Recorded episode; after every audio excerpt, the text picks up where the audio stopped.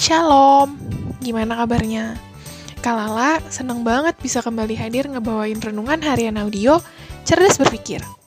Semoga kita bisa sama-sama belajar demi kehidupan yang lebih baik ya.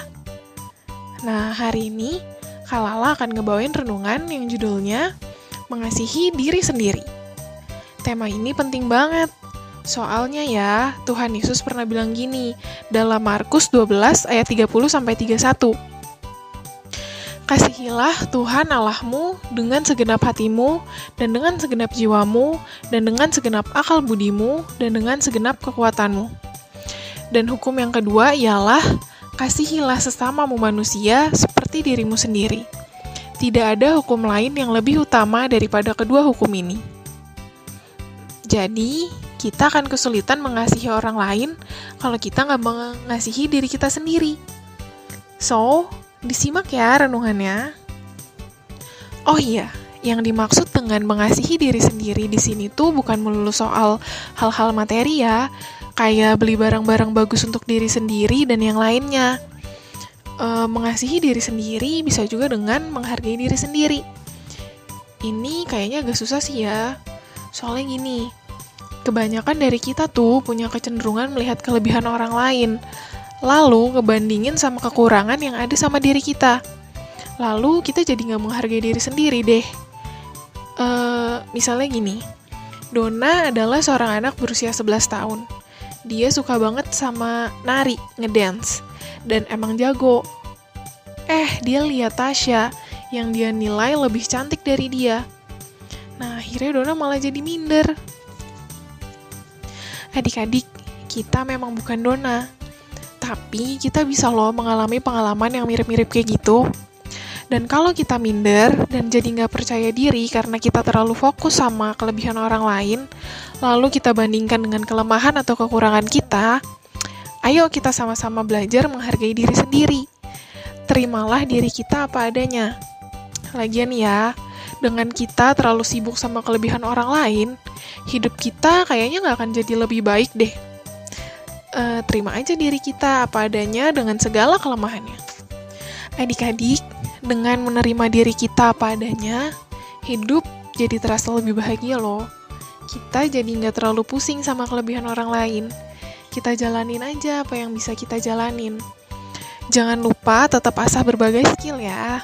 Lagian ya, dengan kita belajar menerima diri kita apa adanya, kita pun akan menerima orang lain apa adanya. Adik-adik, ada yang mau Kalala kasih tahu nih. Menerima diri apa adanya tuh bukan hanya menerima kekurangan yang ada pada diri kita. Menerima diri kita apa adanya juga bisa dengan menerima latar belakang diri kita, kayak keluarga, ekonomi di dalam keluarga, dan yang lainnya. Misalnya, kamu terlahir di dalam keluarga yang secara ekonomi kurang mampu. Hmm, alangkah baiknya kalau kalian gak minder soal latar belakang kalian. Lagi pula nih, Tuhan menjanjikan masa depan yang penuh harapan kok. Tinggal kitanya aja yang mau berjuang atau enggak. Adik-adik, kalau kita terbiasa menerima diri kita dengan semua latar belakangnya, maka kita jadi lebih mudah menerima orang lain apa adanya, tanpa memandang latar belakangnya, agama, status keluarga, status sosial, dan yang lainnya selama asik diajak berteman dan gak ngejerumusin kita ke hal-hal negatif, ya temenin aja. Dengan menghargai diri sendiri, kita jadi lebih mudah untuk bersyukur.